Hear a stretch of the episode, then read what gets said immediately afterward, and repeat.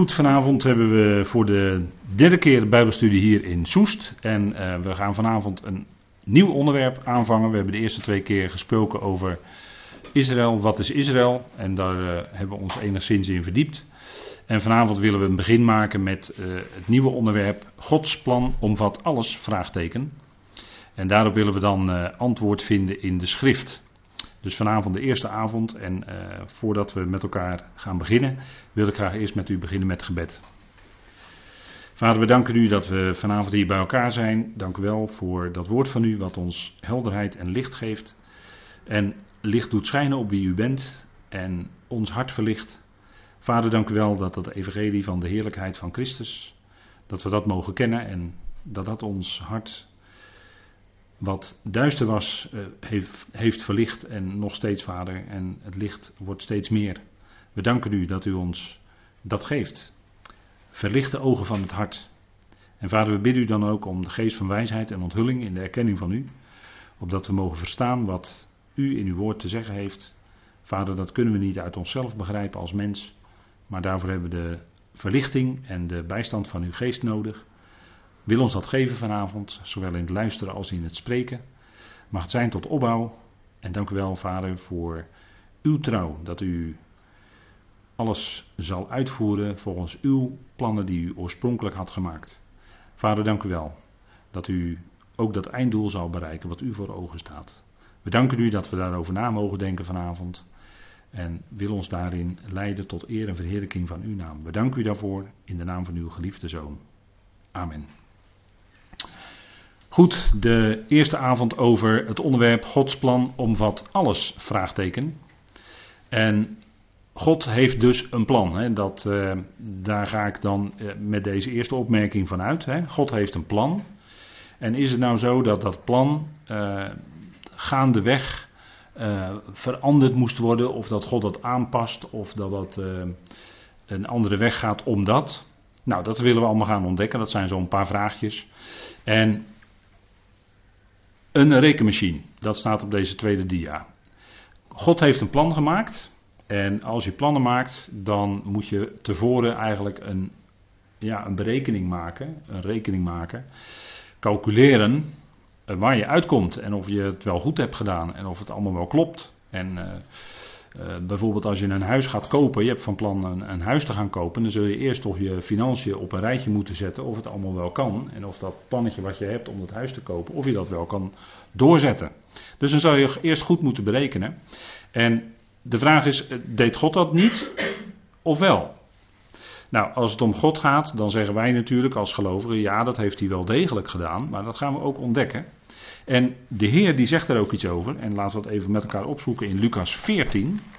En daar heeft hij het over plannen maken.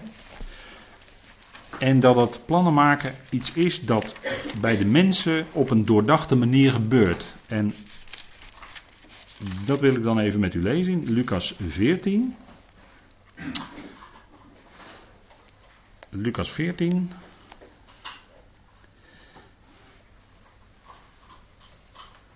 Vanaf vers 28.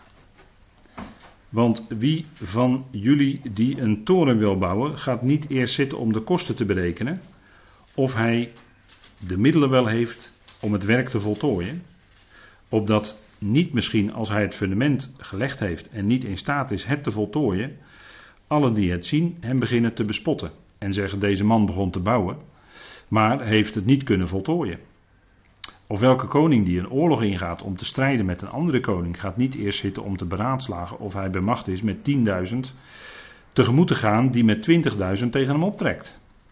En zo niet, dan stuurt hij, als de ander nog ver weg is, een gezantschap om te vragen wat de vredesvoorwaarden zijn.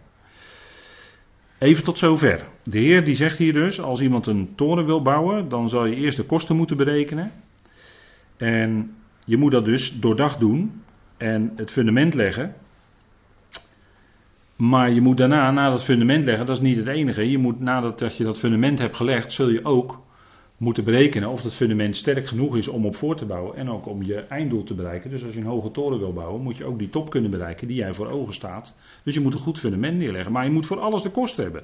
Nou, dat gaat in het dagelijks leven bij mensen zo. Hè? Iemand die verstandig is, die maakt eerst een goede kostenberekening. En die gaat eerst ook eh, laten doorrekenen als je een toren bouwt of de grond eronder ook wel stevig genoeg is om dat fundament te kunnen dragen. Enzovoort, enzovoort. Hè. Je kunt het allemaal zelf invullen.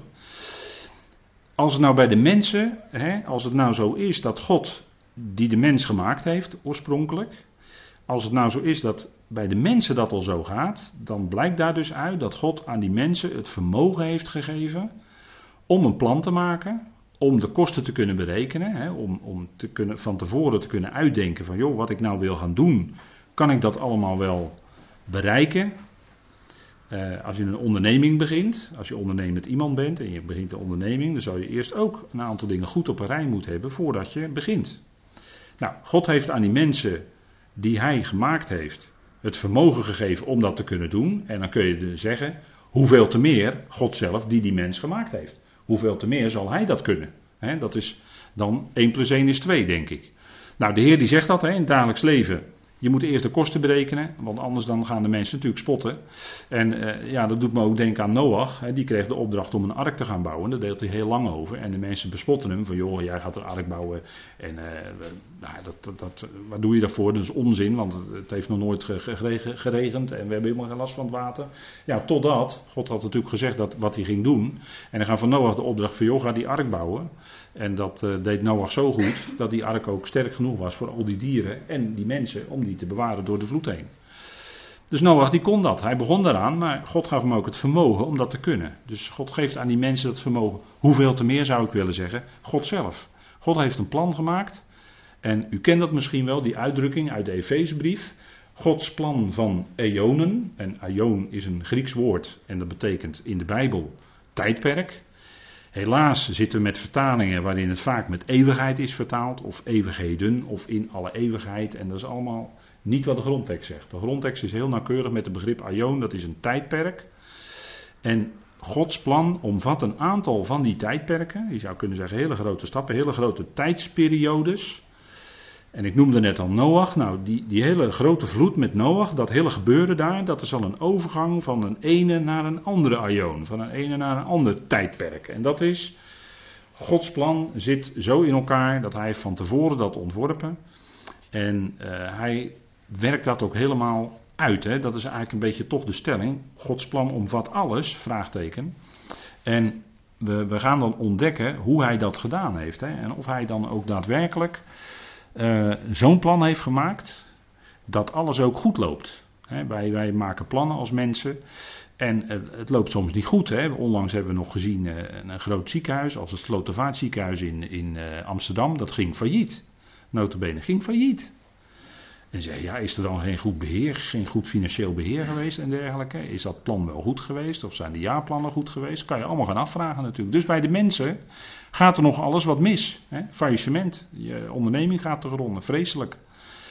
Of uh, je begint aan een baan en uh, na, na, na een jaar, een hele goede baan, en na een jaar word je ontslagen omdat er geen geld meer is. Nou, dan gaat je plannetje, want jij denkt, ik wil dat bij dat bedrijf of bij die instelling, wil ik wel tien jaar werken, maar er is niet genoeg geld. En jij moet na een jaar moet je de laan uit. Jouw plannetje gaat helemaal in duigen.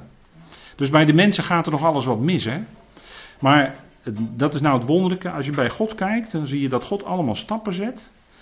En in deze tijd waarin we leven, en je ziet al die berichten uit de wereld, en het lijkt allemaal uh, steeds chaotischer te worden, dus dan zou je bijna gaan denken, het loopt God uit de hand, hè? Het, loopt, het gaat helemaal uit de hand lopen, want we kunnen dit niet meer beheersen en dat niet meer. En in Nederland wordt het te droog en dan lopen de schepen in de IJssel al bijna aan de grond, en uh, dat, dat soort problemen krijg je allemaal.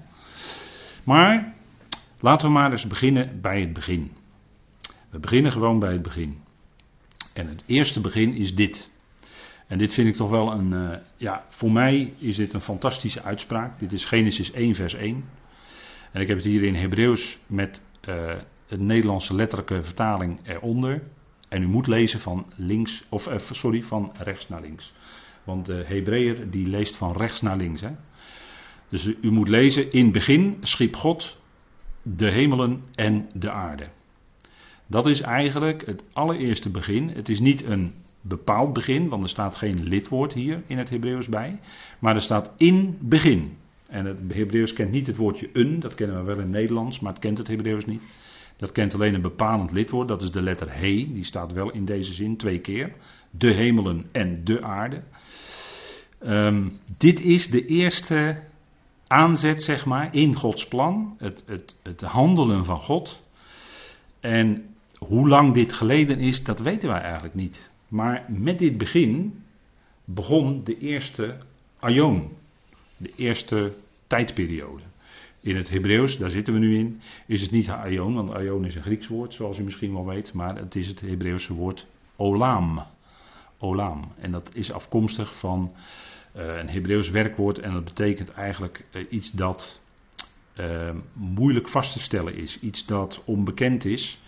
Althans, het einde daarvan kun je niet zien. En daar heeft het begrip Olam ook mee te maken. Het is een als je in de Bijbel blijkt dat het altijd gaat om een bepaalde tijdperiode en toch een met een zekere beperking. Dus het is wel altijd eindig. Er is in de Bijbel namelijk geen enkel woord, nog in het Hebreeuws, nog in het Grieks, dat op zichzelf eindeloze eeuwigheid aanduidt of eindeloosheid. Als de Bijbel het heeft over dat er geen einde aankomt, dan gebruikt de Bijbel ook de, de uitdrukking zonder einde of zal geen einde hebben. En dat komt niet zo vaak voor.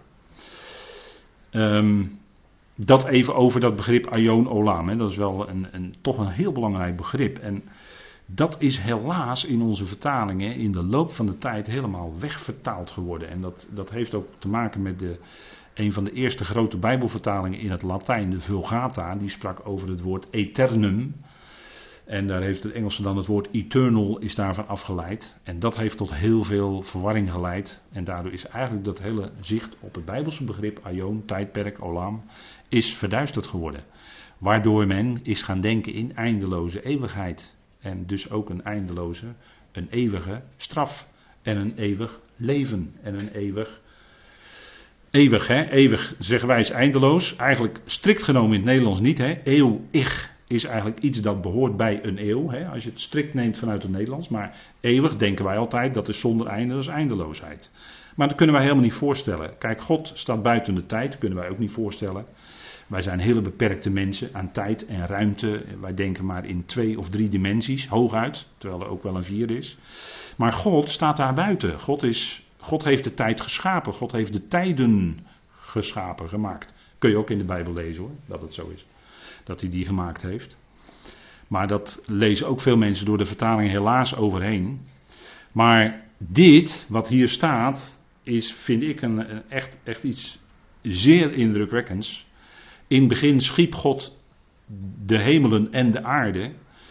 En um, ja, eigenlijk, eigenlijk is dit gewoon een mededeling die aan ons gedaan wordt. Het is niet iets wat je, wat je als mens kan bediscussiëren. Natuurlijk wordt dat gedaan, evolutietheorie enzovoort. Maar je, je kan dit niet bediscussiëren of, of beredeneren of wat dan ook. Dit is gewoon een statement. Hier begint de Bijbel mee. Dit is het. En, en als schepselen zouden we daar blij mee zijn. in het begin schiep God de hemelen en de aarde. En dat zijn zeven woorden in het Hebreeuws. als u, u kunt eh, hier op de dia kunt u ze tellen. Het zijn zeven woorden. En uh, ja, daar zitten heel, heel veel bijzondere dingen in. Maar in ieder geval zien we dus dat er twee, uh, twee werks, ja eigenlijk uh, sferen, vind ik een vervelend woord eigenlijk. Maar twee, je ziet eigenlijk twee, hè, een, een tweedeling. De hemelen, en in het Hebreeuws, dus in het Oude Testament, is het woord hemel altijd in het meervoud. Dus er wordt altijd over hemelen gesproken. U kent misschien de uitdrukking wel de hemel der hemelen, maar dat is eigenlijk de hemelen van de hemelen. Dat altijd meervoud, Hashemayim. En de aarde, dus heb je twee sferen om het zo maar te zeggen, de hemel en de aarde zoals wij dat kennen. En eh, er staat in begin, dat is een onbepaald begin, Berashit, Bara, Elohim, en dat woordje is dan niet vertaald, Ad, Hashemayim, we Ad Haaretz. Nou, dat is de zeven woorden waar de Bijbel mee begint. En het bijzondere is dat die, als je die eerste woorden bekijkt, ik heb die letters ook in blauw weergegeven. Twee keer een beet en twee keer een alef.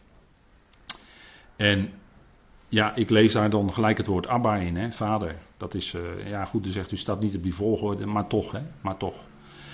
En die ad, dat is ook wel een bijzonder woord. Um, daar is vaak over nagedacht van wat betekent dat nou? Dat is, die, uh, dat is zeg maar de, de bovenste regel het meest linkse woord, ad, En de alef, dat is de eerste letter van het Hebreeuwse alfabet. En de taf is de laatste letter van het Hebreeuwse alfabet. En daar is de, de Joden zeggen, laat ik, het, laat ik het maar zo zeggen. De rabbijnen zeggen, dat is eigenlijk de Shechina. Dat is de heerlijkheid van God die in de tekst aanwezig is. Want God omvat eigenlijk dat hele woord. Hè? En dat, vooral dat laatste, God omvat dat hele woord, dat is wel denk ik misschien een hint. Want ehm, de Heer zegt van zichzelf in het Bijbelboek Openbaring: Ik ben de Alpha en de Omega. Ik, dus de eerste letter en de laatste letter. En Hij is, Christus, is het woord. Hij is het woord. Dus Hij omvat dat hele woord. Hè?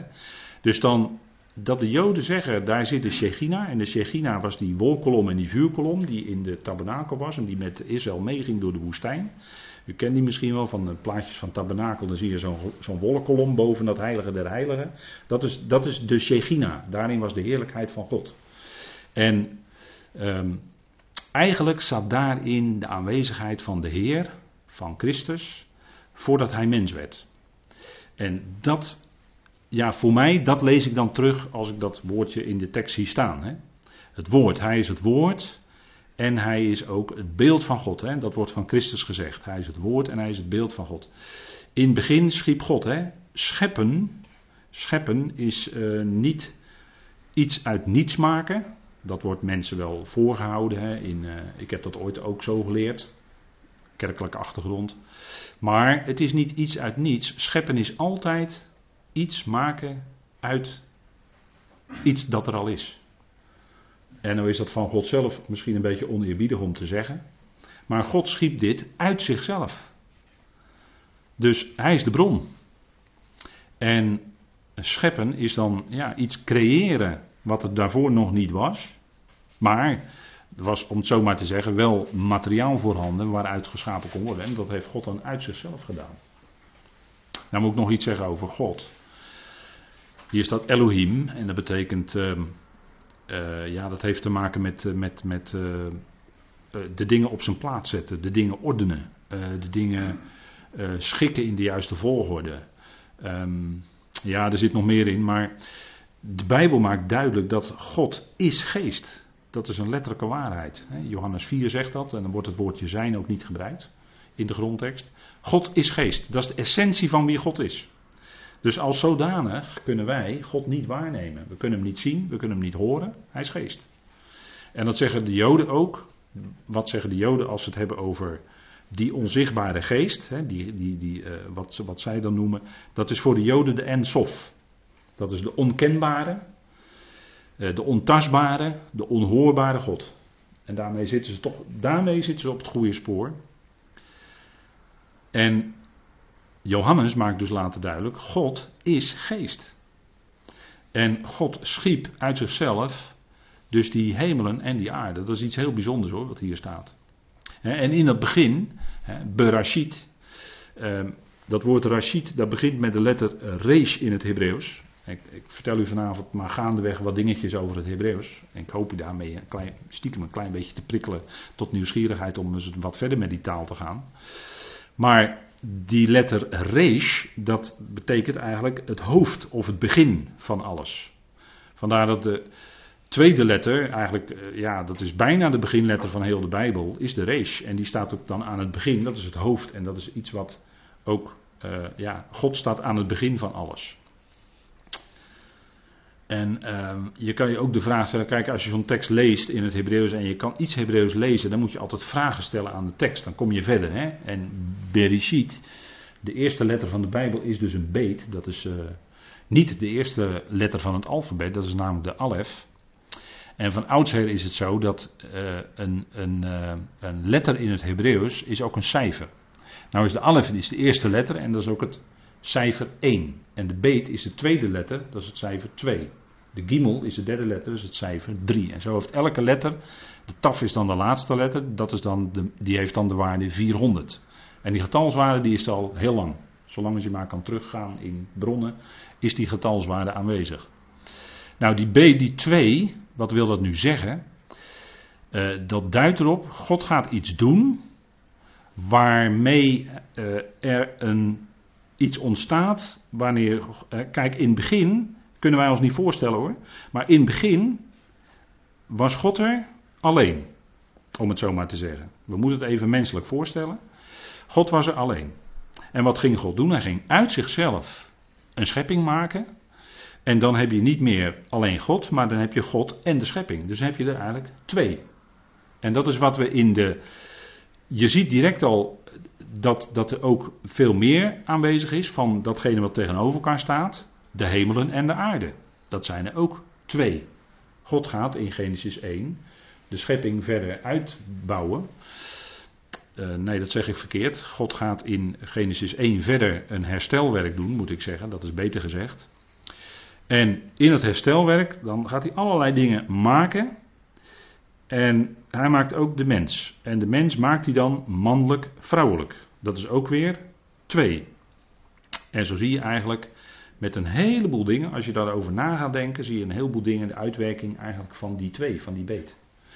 En het mooie is dat de letter beet, de letters hebben in het Hebreeuws ook een betekenis. Het woord beet betekent ook huis.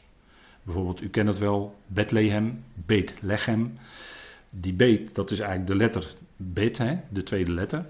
Maar het betekent ook dus huis. Nou, Beetlechem is dan het broodhuis. Hè. Beet is huis en lechem is brood. Dus het huis van het brood. Daar waar de Heer geboren werd hè, in Bethlehem. Hoe toepasselijk kan het zijn? Hè? Want hij is het brood van het leven, zei hij over zichzelf. Dus hij werd daar natuurlijk, je zou bijna zeggen, natuurlijk werd hij geboren in Bethlehem. In het broodhuis, dat kan niet anders. Maar dat is de twee, dat is ook een huis. God maakt een huis, zou je kunnen zeggen. Met die schepping maakt God ook een huis. Waarin niet alleen de mens kan wonen, maar waarin ook heel veel andere schepselen wonen, gaan wonen. Bijvoorbeeld de dieren, en alles wat we zien, tevoorschijn zien komen in Genesis 1, hè, om het zo maar te zeggen. Maar wat we niet zo direct in Genesis 1 lezen, zijn de hemelse machten en krachten. Maar die waren er al. Die waren er al voor Genesis 1, vers 2. Nou wordt het misschien gelijk weer wat moeilijker. Of misschien zegt u, ja, dat weet ik al lang. Prima. Maar God, dit is het allereerste begin, om het zo maar te zeggen. Een onbepaald begin.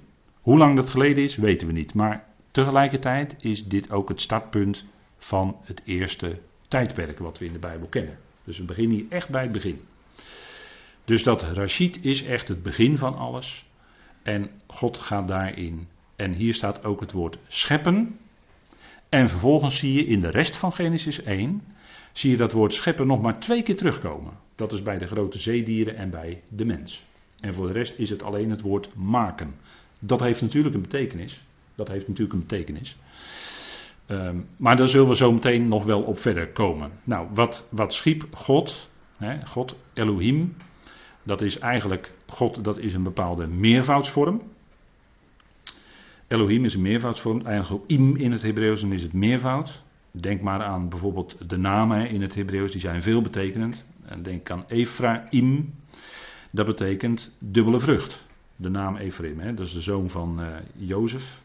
Jozef had twee zoons, Ephraim en Manasse. En Ephraim kreeg het eerst geboorterecht. En de naam Ephraim betekent dubbele vrucht. En zo kan je natuurlijk heel veel namen die eindigen op im en dan is het altijd een meervoud. Nou, zo, zo ook hier. Elohim is een meervoudsvorm. Um, en dat is misschien wel merkwaardig, maar het is zo dat als die naam Elohim in de schrift genoemd wordt, als die, eh, eigenlijk is het een titel, het is geen naam, het is een titel. En dat heeft te maken met onderschikken. Want dat is het grote werk wat God doet in zijn plan. Dat is het, een van de hoofdonderwerpen, dat is onderschikking. Hij brengt al zijn schepselen tot onderschikking aan hemzelf. Dat is een van de grote woorden als het gaat om het einddoel van God in 1 Korinthe 15. Daar wordt het woord onderschikken wordt zes keer gebruikt. En God, en als die titel Elohim, dan is meervoud, dat betekent dat de geest van God, hè, God is geest, maar dat de geest van God samenwerkt met een ander of anderen om datgene te doen wat op dat moment daar gebeurt. Dus het is die aanwezigheid van die geest van God, die werkt door instrumenten om op een gegeven moment dat werk te doen wat er gebeurt. Dus elke keer als die titel Elohim, en die staat heel erg veel keer in de schrift, veel vaker nog dan alleen de titel Il, maar daar komen we zo nog op. Die komt heel vaak voor en dat is elke keer als die titel dus voorkomt. Dus dat is denk ik wel iets bijzonders dat we ook graag uh, vanavond willen meenemen. Dan gaat het echt over het wezen van God. Is heel, heel belangrijk dat we deze bijbelse dingen met elkaar goed verstaan. Want dan heb je in de rest van de schrift heb je ook een beter zicht op hoe het zit. Uh, de hemelen, Hashemayim, u hoort hem al, dat is ook een meervoudsvorm. Dat zijn twee hemelen. Hè? Dus Ayim, de uitgang Ayim in het Hebreeuws duidt op een tweevoud. Dus geen meervoud, maar een tweevoud. En dan de aarde, Haaretz, dat, wordt, dat woord, dat kent u misschien wel, dat is ook zelfs eh, de naam van een krant in Israël, Haaretz. En dat betekent ook in de Bijbel het land. Maar dat betekent eigenlijk het droge land, ter onderscheiding van de zeeën, de wateren. En het betekent, maar het moet, in de context moet het blijken, in tekstverband moet het blijken, kan het ook betekenen het land Israël. Wat uh, soms ten volkomen, naar mijn mening, ten onrechte als Palestina wordt aangeduid, is Israël. Dus Haaretz. Uh, dat, dat is eigenlijk de tweedeling en zo ondernam God dat werk. Hè. En die oorspronkelijke schepping van God, die was eigenlijk fantastisch. Dat was iets fantastisch. Maar op het moment dat God het deed, dit was niet het eerste schepping, maar hij ging hier hier staat alleen dat hij de aarde en de hemelen schiep. Maar eh, daarvoor had hij al hemelse machten en krachten geschapen. En dan zeg je, hoe weet je dat? Nou, dan lezen we dat even met elkaar in Job 38. Job 38. En Job, dat was een uh, grote vorst, een Midden-Oosterse vorst. En misschien leest u niet zoveel in het boek Job, omdat u dat niet prettig vindt. Dat kan ik me heel goed voorstellen. Want Job overkwam in zijn leven een enorm lijden. Het boek van het lijden is het boek Job. Maar het is wel erg de moeite waard hoor, om het boek Job te lezen. Job betekent, de naam Job betekent ook, dat schiet me nou te binnen. De naam Job betekent uh, vijandig bejegend. Uh, de Duitsers hebben daar een mooi woord voor, die zeggen het in één woord, befeindet. Dus vijandig bejegend. Hè? Uh, en dat is wat je ook ziet gebeuren in het leven van Job. Dat dus die tegenstander, die komt te midden van de zonen van God. En bij, God dan is daar een, een, soort vergadering, zo stel ik me dat dan maar voor, hè, een vergadering van hemelse machten en krachten. En te midden van die zonen van God daar, daar komt ook de Satan, de tegenstander. Dat is eigenlijk heel wonderlijk, hè. Want wij hebben altijd voorstellingen bij de Satan dat dat in ieder geval nooit zou gebeuren. Maar dat gebeurde daar gewoon, in het boek Job, hè, dat kun je gewoon lezen. En dan zegt de Satan van nou, eh, heb je mijn knecht Job enzovoort. En dan gaat hij dus dat leven van Job gaat hij dus benaderen. En, en uh, hij gaat Job heel erg vijandig benaderen zelfs. Dus vandaar dat de naam Job betekent vijandig bejegend. En, uh, er zou misschien een andere afleiding kunnen zijn, maar dit is denk ik wel de betekenis. Uh, en er staat dan in Job 38. Job overkomt een heel diep lijden. Maar het einde van Job, daar zouden we ook op letten, hè, zegt de schrift. Maar hier gaan we terug naar het naar een, naar een eh, heel vroeg stadium in Gods plan. Job 38, vers 7. En misschien even goed om, uh, om uh, van te lezen vanaf vers 4. Want er zijn er heel veel dingen gezegd door Job zelf en door zijn vrienden. En die hebben allemaal oplossingen bedacht voor waarom nou toch dat lijden in het leven van Job was. En dan zijn er heel veel dingen gezegd en dan gaat God spreken. Er staat in 38 vers 1. Daarna antwoordde Yahweh Job uit de storm en zei: Wie is hij die mijn raad duister maakt met woorden zonder kennis? Om God je als een man, om God nu als een man je heupen en dan zal ik je ondervragen. Maak me eens bekend, waar was je? Job, waar was je? Toen ik de aarde grondvestte. Dus dan lezen we over dat begin, hè? Dan lezen we over dat begin. Waar was je toen ik de aarde grondvestte? Maak het bekend als je echt inzicht hebt. Wie heeft haar afmetingen bepaald? Jij weet het immers. Of wie heeft het meetlint over haar uitgespannen? Waarop zijn haar pijlers neergezonken? Heel boeiend hè, dat het er zo staat. Hè? Dus als je het letterlijk neemt, als je het letterlijk neemt, dan zou je moeten zeggen dat de aarde pijlers heeft waarop ze rust. Geef het maar mee ter overweging. Of wie heeft haar hoeksteen gelegd? Toen de morgensterren, samen vrolijk zongen. En al de, en er staat er letterlijk, zonen van God juichten. Dus kennelijk, kennelijk, werd dus die, dit maken van die aarde, of dit scheppen van die aarde, want daar gaat het hier over. Waar was je toen ik de aarde grondvestte, zegt God tegen Job. En dan gaat het in vers 7, waren daar kennelijk al morgensterren, en dat wordt in de tweede regel uitgelegd, dus een, een bepaalde stijlvorm, parallelisme. Toen de morgensterren samen vrolijk zongen en al de zonen van God juichten. En dat was op het moment dat God dus die aarde en die hemelen schiep. Dat, dat vonden die hemelse machten en krachten, want daarover gaat het hier kennelijk in Job 38, vers 7. Die vonden dat zo fantastisch wat daar gebeurde, wat ze zagen, het resultaat van het werk van zijn handen, dat ze juichten. Ze, ze zongen vrolijk en ze juichten. Hè. Dat, is, dat is mooi, want zo'n parallelisme, dat, dat zijn twee regels die elkaar uitleggen, hè, die hetzelfde zeggen eigenlijk. Hè, die morgensterren, zonen van God. Morgensterren wordt in de schrift zeer regelmatig gebruikt voor bepaalde geestelijke machten en krachten. dat is, uh, en zonen van God worden die bij gelegenheid ook, hemelse machten worden ook zonen van God genoemd. In het begin van het boek Job, waar ik net aan refereerde, daar gaat het ook om zonen van God die bij de vergadering van God komen. Dus dat moeten dan hemelingen zijn, dat kunnen geen mensen zijn op dat moment. Goed, dan zien we dus dat die morgensterren, die zonen van God, aanwezig waren op het moment dat God die hemelen en die aarde schiep. En die vonden dat fantastisch en die juichten daarbij. Die zongen. En dan gaat God verder met allerlei vragen stellen aan Job, waar was je? En dan natuurlijk blijkt daaruit de grootheid van God tegenover de nietigheid en kleinheid van Job. Maar ja, Job was daar natuurlijk niet bij en kon het bij lange na niet bevatten. Dus daarin zien we dat die hemelse machten en krachten er kennelijk al waren op het moment dat God die hemelen en die aarde schiep. Dat is voor ons wel belangrijk om te weten in verband met Gods plan. Want Gods plan is veel groter dan uh, alleen de mensheid. En met alleen de mensheid zeg ik natuurlijk, dan praten we wel over inderdaad miljarden en miljarden mensen. Maar is niet alleen de mens, maar is ook hemelse machten en krachten. En dat zijn ook, de Bijbel spreekt dan over myriaden, hè, over heel veel. De hemelen en de aarde. Dus hier is een specifiek punt in Gods plan. Hij schept die hemelen en die aarde. En dan natuurlijk doet God dat met een enorme bedoeling. Daar moet kennelijk iets mee gaan gebeuren. Of daarin moet kennelijk iets gaan gebeuren. In het begin zou je kunnen zeggen: God is. God is er altijd geweest. Dat kunnen we ons niet voorstellen. Hij staat buiten de tijd. Hè? God is. Hij is er altijd. Hij is altijd bestaand geweest. Hij is er altijd al geweest. Nou, als je daarover na gaat denken, dan kun je dat gewoon niet bedenken. Maar dat is een statement, hè? God is. En natuurlijk zijn er uh, atheïsten die zeggen, ja, uh, God, God bestaat niet.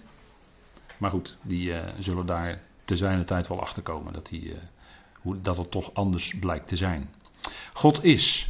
En wat is er nu gebeurd? Als we kijken in Colossense, uh, dan zien we dat Paulus daarvan zegt, en dan gaat het ook over die schepping, en dan gaat het echt over de oorspronkelijke schepping, laten we het even met elkaar opzoeken, Colossense 1. Colossense 1, vers 16, 15, 16, want dat gaat ook over dat onderwerp, de schepping, hè.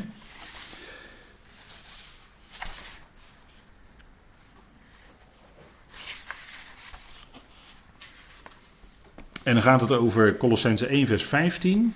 Wil ik even met u beginnen te lezen. Dat gaat dan over Christus als de zoon van Gods liefde. En dan staat er: Hij is het beeld van de onzichtbare God. Die geest is, hè? dus onzichtbaar.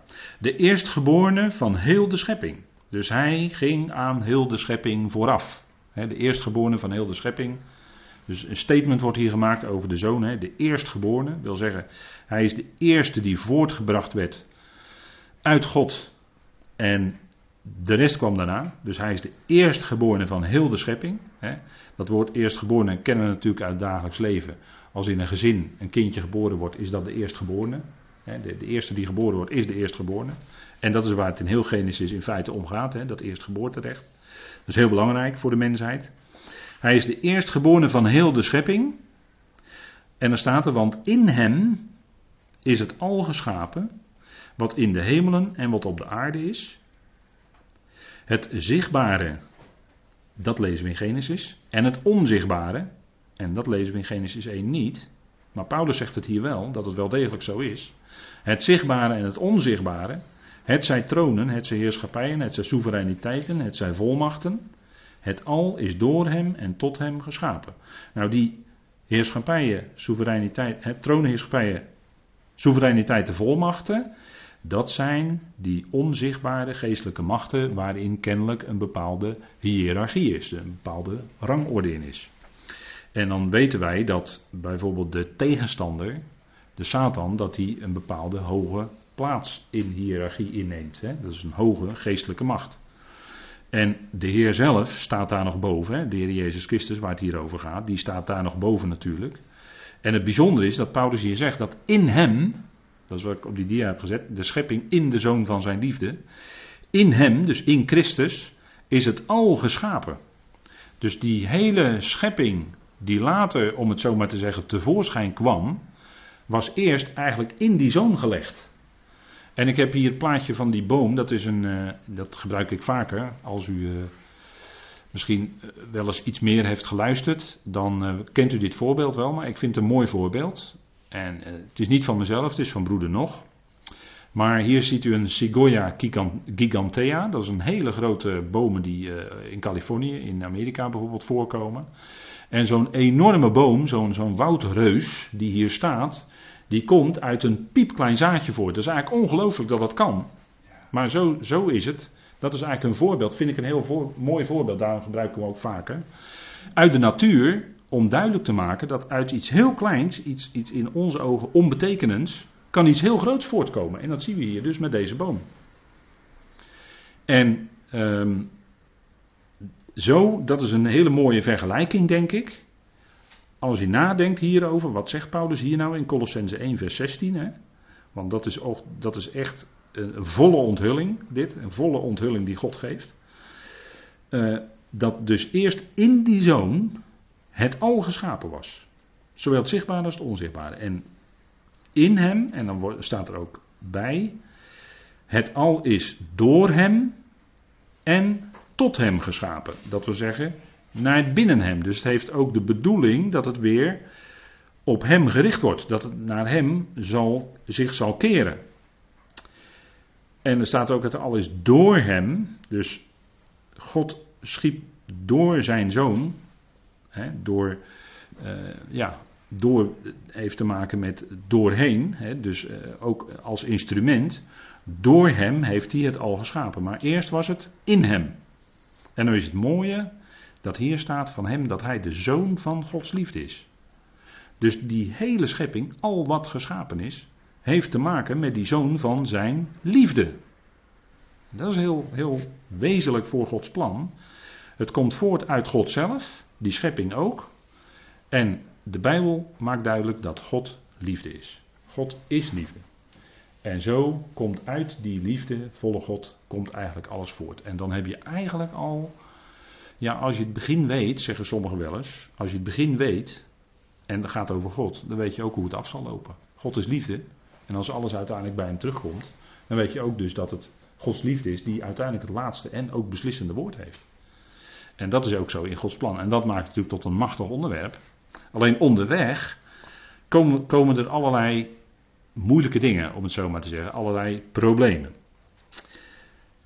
Maar nog heel even afmakend, Colossense 1, tot en met vers 17 dan. En daar staat, hij, dat gaat dan over Christus. Hij is voor alles. Wordt nog een keer duidelijk onderstreept, hè, dat hij de eerste was, eerstgeborene. Hij is voor alles. En dat voor alles is niet alleen tijd bepaald hier, maar dus ook in rangorde. Dat wil zeggen, hij, is, hij heeft de voorrang boven alles en al het andere in de schepping. Christus staat bovenaan.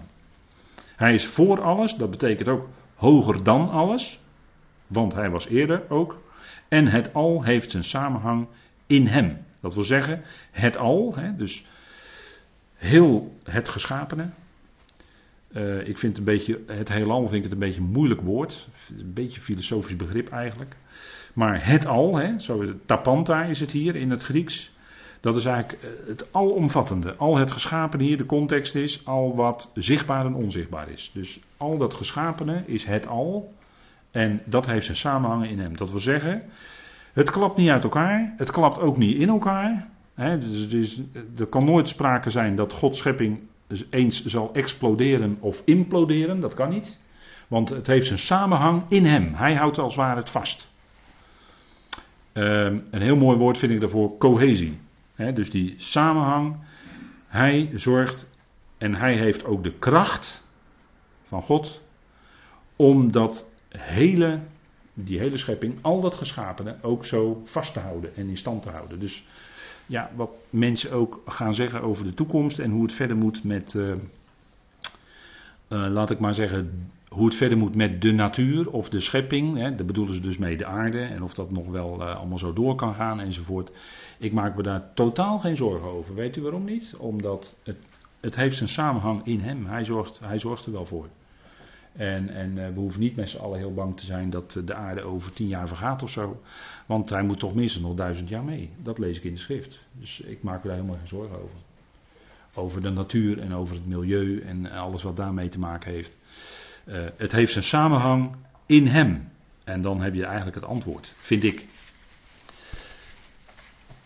Colossense. Ja, prachtige tekst en wat, wat verklaart hoe die oorspronkelijke schepping, dus ook het onzichtbare, hè, dus uh, het onzichtbare staat hier ook in het meervoud, uh, dus die onzichtbare geestelijke machten en krachten, nou die, die zijn allemaal in, in hem oorspronkelijk geschapen. Dat is, dat is Gods ontwerp. Hè. Kijk, menselijke plannen, ik heb hier uh, op dit plaatje, hè, dan uh, zeggen we even, nou, we even nu met beide benen op de grond. Menselijke plannen, uh, dagelijkse ellende in de file. en, maar ook als je met de trein reist, kan natuurlijk ook van alles misgaan, want al die sporen lopen door elkaar. En stel je voor dat er één treintje ergens ontspoort, nou, de hele dienstregeling gaat overhoop en dan klopt er niks meer van. En is ook het hele land, uh, Nederland althans, in rep en roer. Dus uh, bij menselijke plannen kan van alles misgaan. Dat weten, weten we maar al te goed. We maken een plannetje en ja. En dat zegt ook wel iets over, maar dat zeg ik even terloops tussen haakjes. Dat zegt ook wel iets over of er nou een vrije wil is. Hè? Heeft de mens nou eigenlijk een vrije wil? Daar kan je ook filosofische vragen over stellen natuurlijk. Maar ik ben er heel snel klaar mee. Mensen heeft helemaal geen vrije wil. Ik kan met één simpel voorbeeldje illustreren. Je zegt tegen elkaar van joh, wat zullen we vanavond eens gaan eten? Nou, laten we eens makkelijk doen. We gaan daar en daar eens een patatje halen. En uh, nou goed, geen eten klaargemaakt. Dus je gaat s'avonds om, uh, je bent een beetje laat. Je gaat s'avonds om kwart over zeven naar de patatboer. En wat blijkt, de patatboer is gesloten vandaag. Wegens omstandigheden. Simpel voorbeeld, hè. Je hebt je plan gemaakt, ik wil vanavond patat eten met, samen. Of met je gezin. En patatboer is dicht, dus je kan geen patat eten. Dus jouw plannetje gaat niet door. Jij wilde patat eten, maar het gaat niet door. Je hebt helemaal geen vrije wil. Heel simpel voorbeeld, hè? Maar ik vind hem, vind hem toch wel aardig. Hoor ik eens van, niet van mezelf uiteraard, maar hoor ik eens van iemand. Maar ik vond het een heel goed voorbeeld. Omdat het zo duidelijk illustreert dat wij denken als mensen, joh, ik kan het zelf toch allemaal wel regelen, ik kan het zelf toch allemaal doen, ik heb, ik heb een vrije wil om dit te doen of dat te doen. En dan kom je gaandeweg achter dat het natuurlijk helemaal niet het geval is. Je hebt helemaal geen wil om te bepalen, hè, laten we maar even ook een ander voorbeeld nemen, of jij 60, 70, 80 of 90 jaar leeft. Heb je helemaal geen vrije wil? Hè, mensen die heel veel aan sport doen, die kunnen soms ineens een hartstilstand krijgen. Zijn gezond, 45 jaar, kunnen hartstilstand krijgen. Het is gebeurd. En heb je hele leven hard gesport omdat je graag 80 wil worden, gaat niet door. Dus misschien wel een heel hard voorbeeld, maar dat illustreert wel dat wij dus helemaal geen vrije wil hebben. Dat we helemaal dus zelf niks kunnen bepalen. Maar dat het allemaal heel beperkt is. Hè? Kijk, en het menselijk handelen, dat is wat we graag willen doen. Hè? Paulus zegt dit, of eh, nee, uh, Jacobus zegt dit, sorry. Jacobus zegt dit, en dat uh, schrijft hij aan de twaalf stammen, zoals we weten, in de, in, schrijft hij aan Israël. Kijk, menselijk handelen, en Israël, mensen uit Israël, Joden zijn daar goed in, in de handel. Die worden daar bij gelegenheid uh, aardig rijk van, om het zo maar te zeggen. En als je goed handelt, ja, er is er niks mis mee. Ik bedoel, eh, als je handig bent, ja. Dat, uh, en Nederland is ook een land van kooplieden en dominees van oudsher. Kooplieden kan ik nog wel heel hard zeggen, maar dominees zeg ik een stuk zachter dan. Maar Nederland is ook een land van kooplieden. Hè? Want als, als ons koninklijk paar, de koning en de koningin, ergens op visite gaan, of op staatsbezoek, zoals het officieel heet. Dan gaat het niet om dat staatsbezoek eigenlijk. Hè?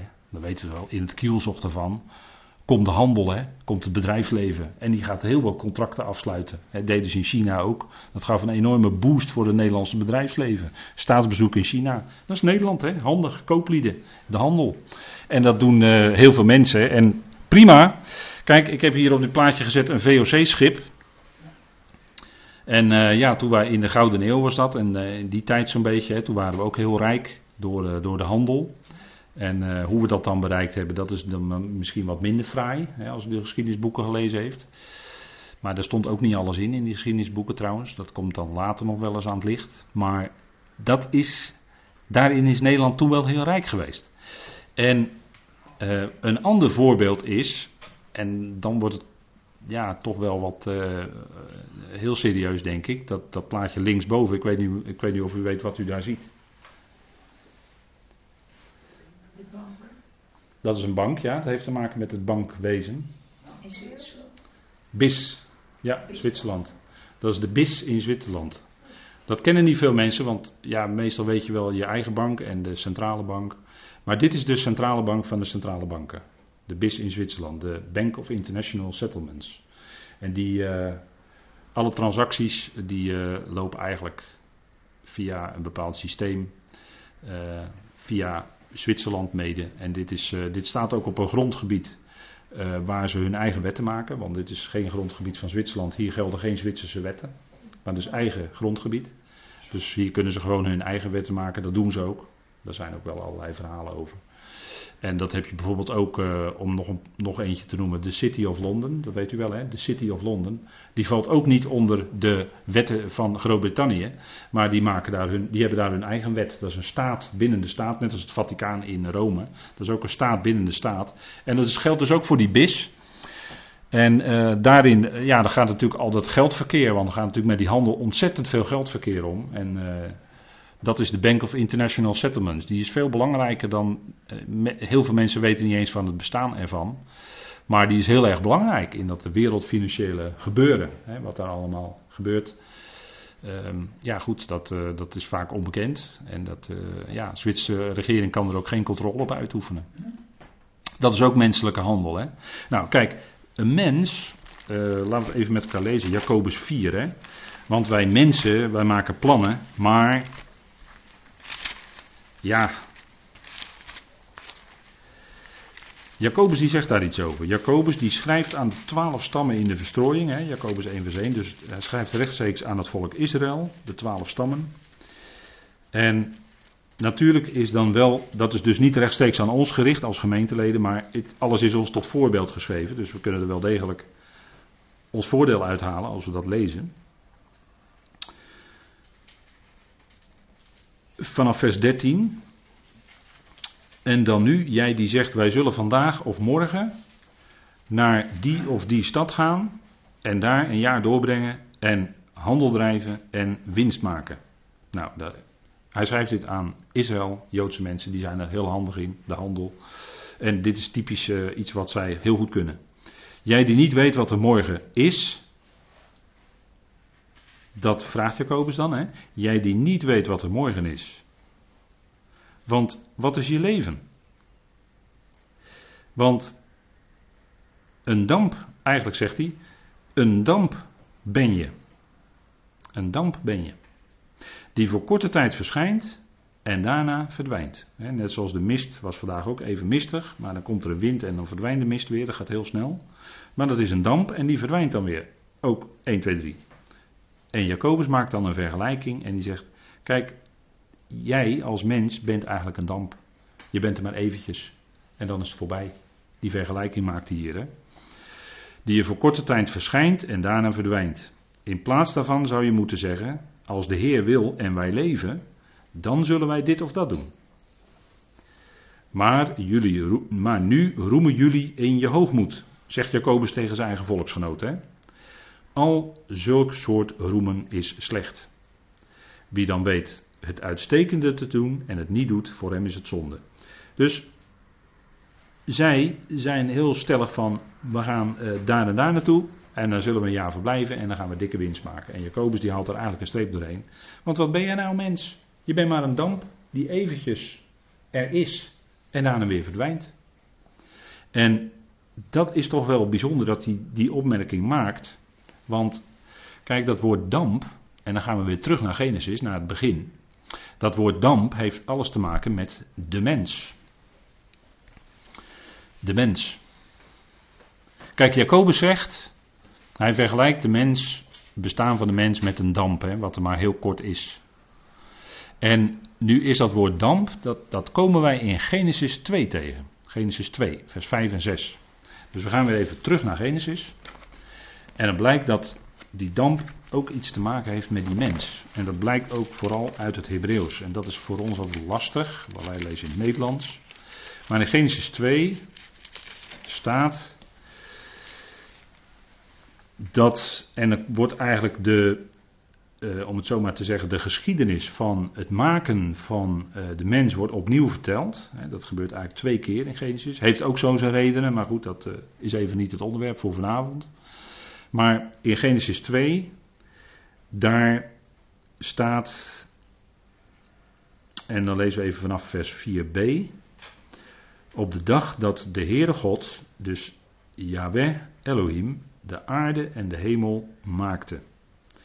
Er was nog geen enkele veldstruik op de aarde en er was nog geen enkel veldgewas opgekomen, want de Heere God had het niet laten regenen op de aarde, want er was geen mens, en dan komen we het woord Adam tegen, dat is het woord mens, om de aardbodem te bewerken. Maar een damp steeg uit de aarde op en bevochtigde heel de aardbodem. Toen vormde de Heere God de mens. Even tot zover. Hier zien we dus dat in het begin, in die eerste situatie, op de aarde was, had het nog niet geregend. En wat gebeurde daar? Daar kwam een damp, dus uh, vocht uit de aarde en die bevochtigde de aarde. En zo was, werd de aarde dan, die bovenste laag van de aarde, werd vruchtbaar. En er zit een vergelijking, of er zit een heel sterk verband in het Hebreeuwse woord voor damp en het woord voor mens. En dat zien we hier ook in de Hebreeuwse letters, want we zien dat het woord ad in het Hebreeuws, dat is de alef en de dalet. En dat is, eh, als je in getallen zegt, is het de 1 en de 4. En die combinatie 1 en 4, die komt heel vaak terug in die oorspronkelijke Hebreeuwse tekst. Dus ad is een damp, en het woord voor mens, dat weet u natuurlijk, is Adam. Dat is eigenlijk niet, ja, dat is eigenlijk niet een naam, het is eigenlijk meer een aanduiding van dat is een mens. Of het wordt ook gebruikt voor de hele mensheid. Voor niet alleen het eerste mensenpaar, want de mens werd geschapen mannelijk en vrouwelijk, lezen we in Genesis 1. Uh, maar die mens, dat is dan Adam. En er zit dus een heel sterk verband in, in het Hebreeuws, met het woord damp. En dat duidt al aan, wat Jacobus dan later zegt, dat die mens maar een damp is. Het is zo voorbij. Uh, mens is, uh, ja, die, die leefde toen heel lang, maar dat is natuurlijk steeds korter geworden.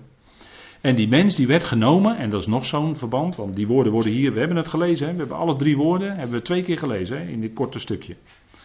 Maar daar zit een duidelijk verband in vanuit het Hebreeuws, namelijk aardbodem waaruit die mens genomen wordt, dat is eigenlijk de bovenste laag van de aarde, de klei zeg maar, is Adama. Dus dan wordt er nog een Hebreeuwse letter aan toegevoegd. Dus dan heb je nog. Hè, en daaruit werd de mens genomen. Dus Adam werd genomen uit Adama. En hij blijkt te zijn alleen maar als het ware een damp. Hè. Dat is natuurlijk een vergelijking. Want eh, wat Jacobus doet is natuurlijk van het woord maakt hij eigenlijk een metafoor. Hè? Het is eigenlijk een metafoor voor het korte bestaan van de mens. Maar Adam is mens en die is uit de aardbodem, uit de bovenste laag van de aarde genomen. Dat is zijn afkomst. En die at, dus die damp, die zorgde ervoor dat die aarde ook uh, in staat was om die gewassen, die, uh, wat God er al had ingelegd, om dat te laten groeien. En dan zeg je, waar komen die gewassen vandaan? Want er staat niet in Genesis 1 dat die uh, gewassen dat God die schiep op dat moment. Hij sprak een woord en hij zorgde dat het opkwam. Maar kennelijk was er dus al in die aardbodem het nodige aanwezig. En dan zeg je, ja, hoe kan dat? Nou, antwoord erop zullen we dan denk ik uh, na de pauze met elkaar gaan zien. Maar dit is dus heel belangrijk dat we dit zien. Hè? Dat er een duidelijk verband is tussen die damp, Adam en Adama. Adam werd genomen uit die bovenste laag van de aarde. God maakte die mens uit, en dan staat er uit het stof van de aardbodem. Dus die, echt die bovenste laag is van de aardbodem genomen. En die mens die hoort echt uh, wezenlijk bij die aarde. Hè? Nou, dat is God die aan het werk is. En de schrift maakt ook duidelijk uh, dat er één God is. En we hebben net natuurlijk gehad over dat meervoud, die meervoudsvorm, Elohim. Hè? Maar er is één God die geest is. Hij is de bron van alles. En uit hem is alles voortgekomen. En dat is wat de hele schrift ook heel nadrukkelijk verklaart. Er is één God. En nu zijn er in de loop van de tijden um, ook mensen zelfs die als goden worden aangeduid. Um, en er zijn uh, nog andere die bij gelegenheid als God worden aangeduid. Maar dan moeten we even vaststellen dat het woord God is eigenlijk een titel en het beschrijft iets van een functie. En de functie, als het woord God naar voren komt, dat, dat is eel. Hè. In deze tekst lezen we herinner van de vroege dingen van de Olaam af, want ik ben eel en er is geen ander.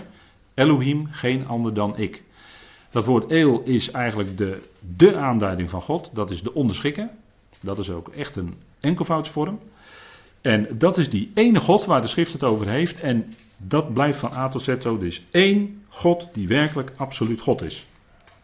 Dat er bij gelegenheid anderen goden worden genoemd. Of dat zelfs zijn zoon als God wordt betiteld. Is in relatieve zin. Is relatief, is niet absoluut. Er is maar één absolute God die boven alles staat en uit wie alles is. Hè? Hij is de bron. En dat is wat de schrift van A tot Z verklaart. Er is één God. En er is niemand die op diezelfde hoogte staat als die ene God die geest is, uit wie alles voortkomt. Zo spreekt heel de schrift daarover. En dat is van A tot Z is daar geen verandering. En dat is ook heel duidelijk wat Israël, wat de kleine kindertjes van Israël van jongs af aan leren.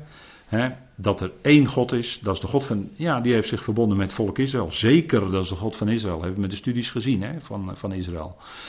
Die ene God is de God van Israël en dat leren zij. De Heere, uw God, is één, hè, Echad. Dat betekent niet alleen dat er één God is, dat die ene daar is, maar dat hij ook een eenheid is. Dat hij altijd doelbewust handelt vanuit hetzelfde grondprincipe om te komen tot dat ene grote doel wat hem voor ogen staat. Dus er is één God. Hè, dat zegt Jezaja ook. Ik ben Eel, of eigenlijk moet ik, als ik het letterlijk zeg, Al, hè, Alef Lamet. En er is geen ander Elohim, geen ander dan ik. En hier verwijst de Jezaja dan ook naar de vroegere dingen van de Olam af, dus naar het, naar het begin. En God die schept dan die mens. En dat doet hij uit zichzelf. Want kijk, die letter Alef, die zien we hier, um, hier drie keer zo onder elkaar. En die letter Alef, dat is de 1. En dat is de letter die verwijst naar God. En als die letter Alef aanwezig is, dan, dan heeft dat iets te maken met de aanwezigheid van God. En uh, dat, dat uh, kun je bijvoorbeeld laten zien um, als je het woord waarheid neemt in het Hebreeuws, dan is het het woord emet. Emet. Het begint ook met de alef. En als je die alef eruit haalt, als je die alef uh, zeg maar doorstreept bij het woord emet, dat is uh, alef, mem, taf. Haal je die alef weg, dan heb je het woord moed en dat is het woord dood in het Hebreeuws. Dus haal je God weg, dan heb je geen leven meer, maar dan heb je dood. Dan is dood, dan is er geen leven meer. Blijkt al uit, uit een, een voorbeeld van Hebreeuwse letters. Hè. En uh, dat is toch wel heel bijzonder, denk ik.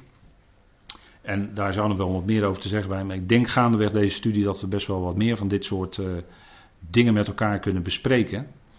Um, er is één God uit wie alles is. En het boeiende is dat dan de schrift begint met de letter beet. Maar dat is omdat dat Gods handelen is. En dat, omdat er dan vanuit die eenheid gewerkt wordt in tegenstellingen. En dat is zoals God steeds bezig is. Hij werkt met tegenstellingen. We krijgen duisternis te zien, maar dan is er ook licht. We krijgen wateren te zien, maar dan is er ook droog land. We krijgen dieren te zien, maar dan is er ook de mens. We krijgen dan de schepping van de mens, maar dat is mannelijk-vrouwelijk. En zo zie je in al die dingen, zie je uh, dag en nacht, heb je ook de zon en de maan. Uh, dus God werkt door allerlei tegenstellingen en die wordt bij gelegenheid ook gebruikt om dingen duidelijk te maken. Uh, goed en kwaad, dat is dan wat minder, iets minder concreet. Maar goed en kwaad is ook zo'n tegenstelling waar God ook mee werkt. En daardoor dingen laat zien. En dat is denk ik heel boeiend als je Gods plan doorloopt en ook goed om te beseffen. Goed, ik wil het hierbij even laten, gaan we even pauzeren.